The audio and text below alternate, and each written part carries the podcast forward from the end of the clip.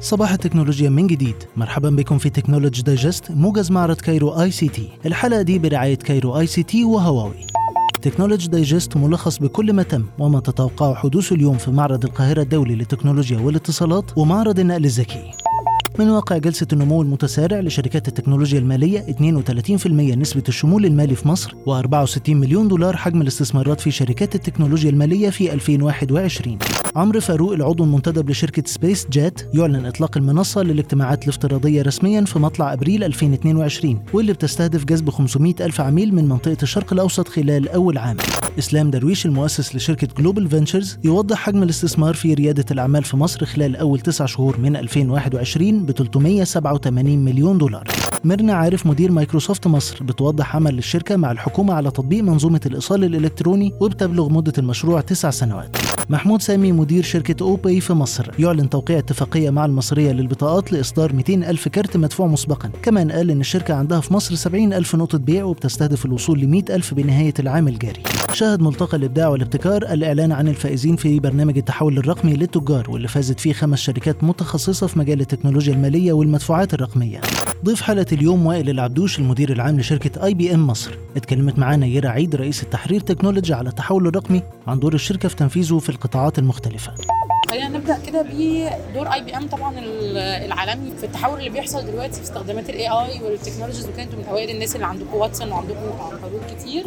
فعاوزين ناخد من حضرتك فكرة عن اللي بتقدموه في مصر وعن اللي بنقدمه النهارده في ICT طيب إحنا الحقيقة شركة IBM في العالم كله تركيزها الأول إن إحنا نساعد عملائنا في رحلاتهم في التحول الرقمي ال digital transformation إحنا بنعتقد إن العالم كله وكل المؤسسات فيه أهم حاجة عندها في الفترة القادمة إنها تكون عندها إمكانية إنها فعلا تقدم خدماتها بصورة رقمية.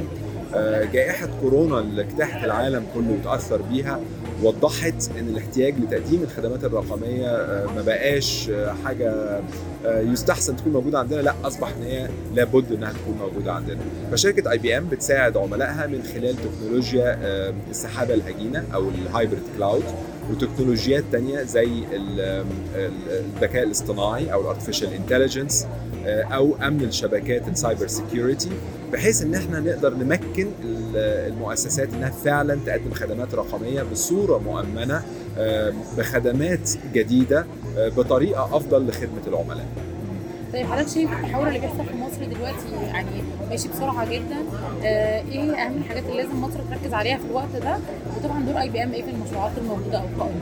العالم كله الحقيقة يعني بقالنا على الأقل في آخر سنة ونص أو سنتين من بداية جائحة كورونا حصل فيه تسريع لوتيرة التحول الرقمي. وبالتالي عندنا في مصر مؤسسات كتيرة أصبحت فعلا ماشية بصورة أسرع في خططها للتحول دوت. هل ليكم مشروعات قائمة دلوقتي مع الحكومة مثلا نقدر نتكلم عليها من غير يعني إيه المشروعات؟